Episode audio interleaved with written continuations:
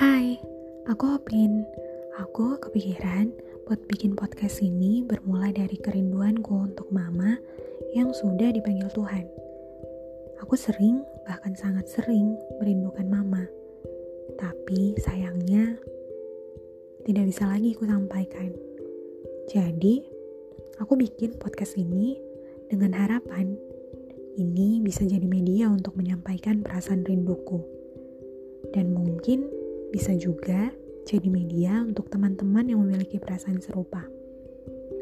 Karena rindu yang tak tersampaikan lebih berat dari rindu yang tak berbalas. Selamat mendengarkan.